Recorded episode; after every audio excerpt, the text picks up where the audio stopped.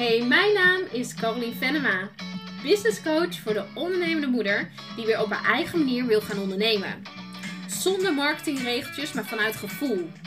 Helemaal jezelf kan zijn en alles zeggen wat je wil. Zodat je vanuit verbinding en vertrouwen een hele toffe business kan gaan opbouwen. Hey, veel luisterplezier!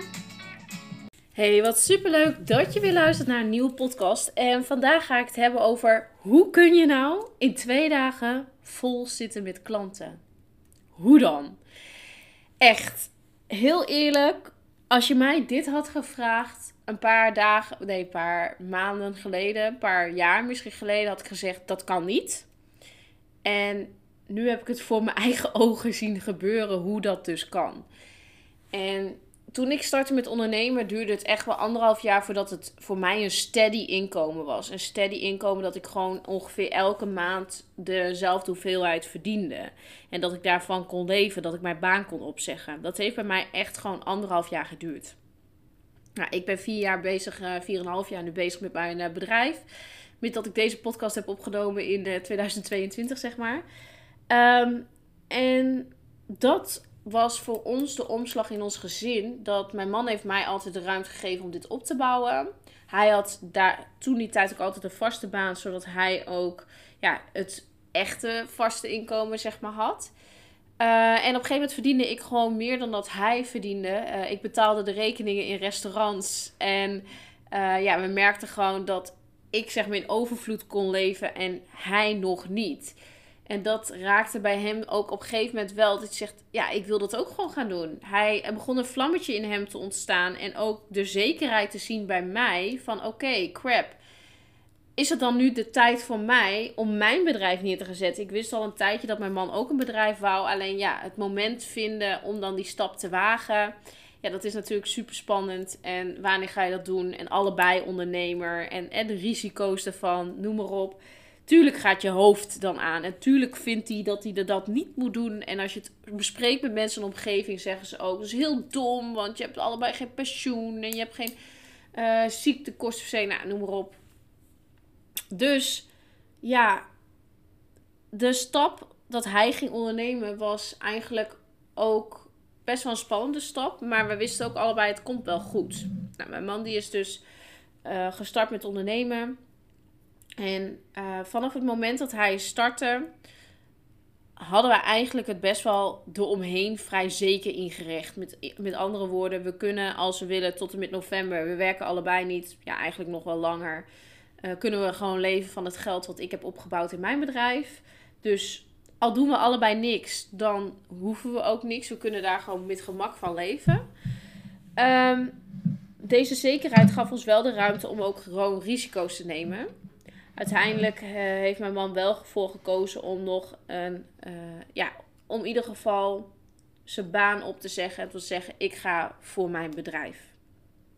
En wat heel mooi was bij mijn man, was voordat hij startte met zijn bedrijf, had hij heel helder wat hij wou doen.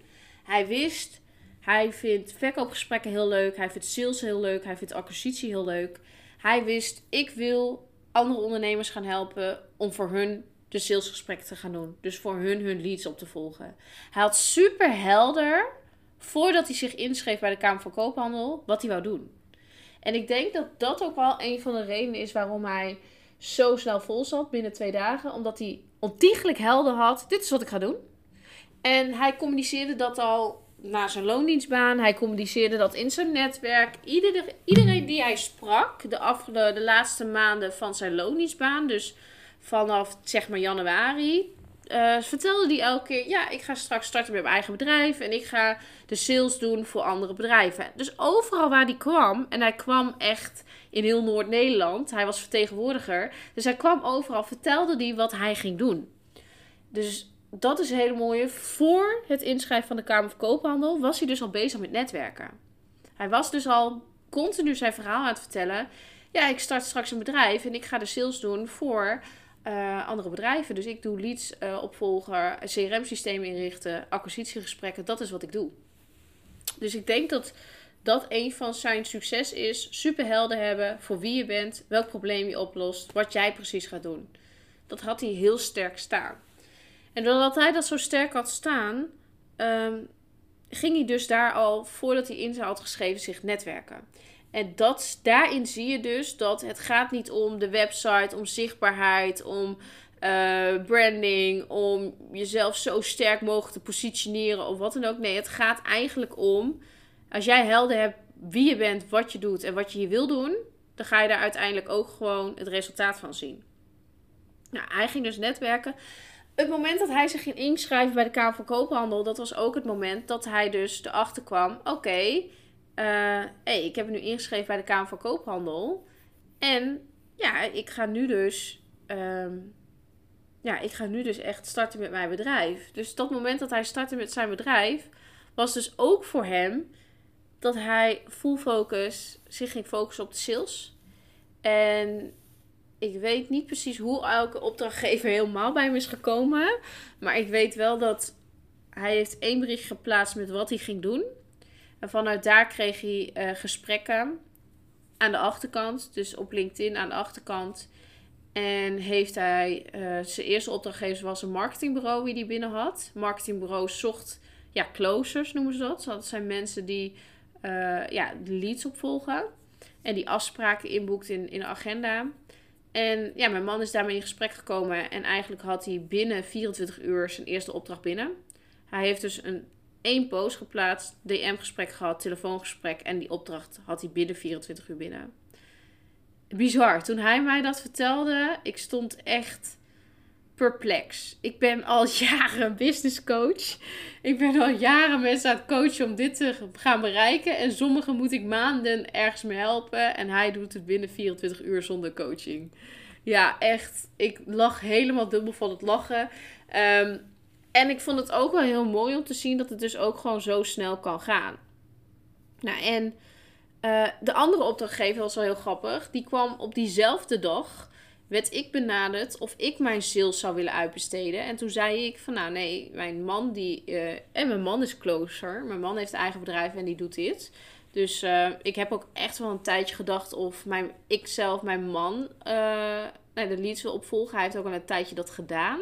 Maar ik merkte dat het voor onze relatie niet heel goed was dat hij in mijn bedrijf zat. Het was voor ons dynamiek niet helemaal geweldig dat hij mijn sales ging doen. Dus ik voelde al heel snel dat ik het uit elkaar wou trekken.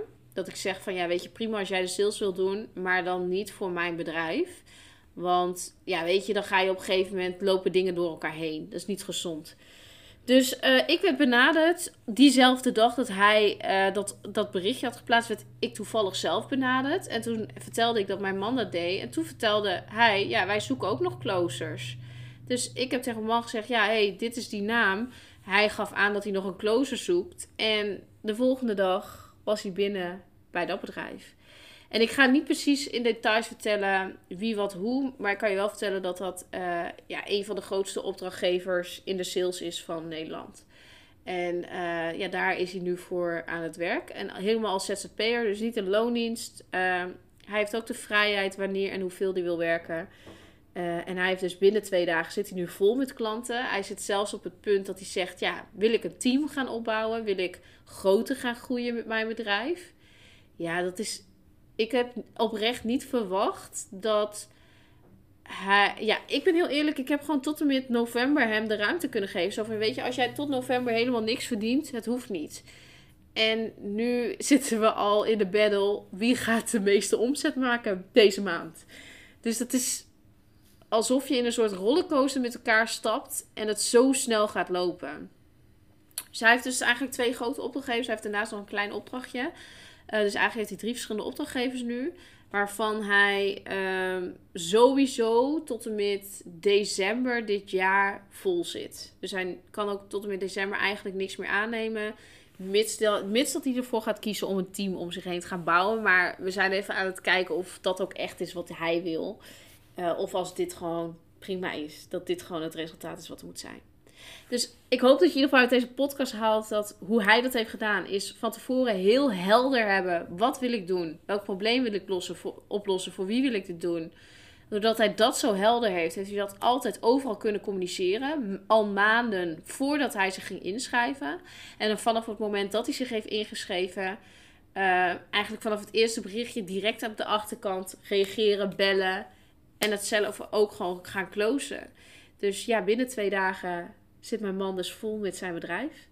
En ik heb zo ontiegelijk respect voor hem daarin. Ik vind het ook zo'n voorbeeld in hoe hij dit weer doet. En ja, het, het zorgt ook voor ons voor een hele andere dynamiek. Uh, wij hebben nu elke keer gesprekken over het ondernemen. We hebben hele andere, ja, hele andere vibe met elkaar. Uh, je voelt echt de vrijheid, de financiële vrijheid, maar ook de vrijheid in...